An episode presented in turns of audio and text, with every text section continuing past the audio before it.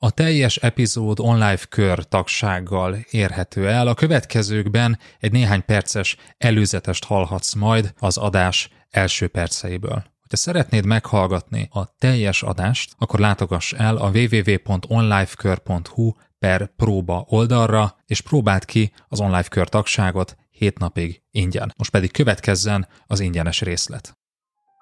Ez a kifizetem és megcsinálja a munkát, egy ilyen helyzetben semmire nem elég, arra elég, hogy kudarcot vaj.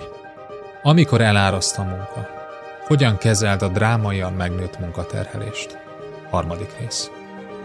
Üdvözöllek, ez az Online Management Podcast, én Ungvári Péter vagyok, és a mai adásban lezárjuk a sorozatunkat üzlettársammal, Berze Mártonnal, amelyben arról beszélgetünk, hogy mit tegyél, amikor sokkal több feladat jut rád és a csapatodra, mint korábban, akár kevesebb, vagy ugyanannyi erőforrással, mint azelőtt.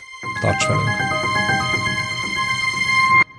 Mit kezdjünk a drámaian megnőtt munkaterheléssel? Mit kezdjünk azzal, amikor eláraszt minket a munka, vagy valamilyen belső átszervezés, vagy valamilyen jó hír, új projektek, új üzleti lehetőségek miatt, vagy lehet, hogy rossz hírek miatt, leépítések, elbocsátások, felmondások. Az előző két epizódban beszéltünk eszközökről, beszéltünk átkeretezésről, és most az előző epizód végén eljutottunk addig az ajánlásig, hogy hát döntsd el, hogy mi az, amit nem fogsz elvégezni.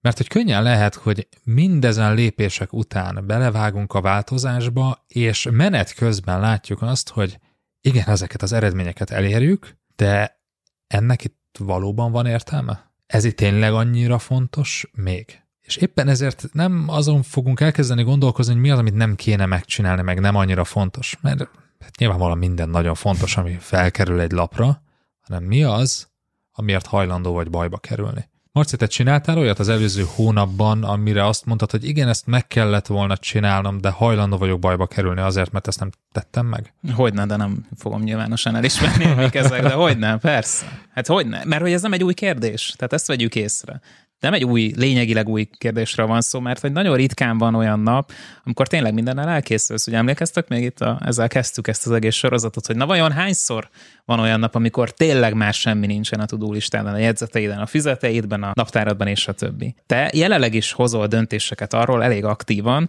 hogy bizonyos dolgokért hajlandó vagy bajba kerülni. Mert hogy nem írok meg egy jelentést.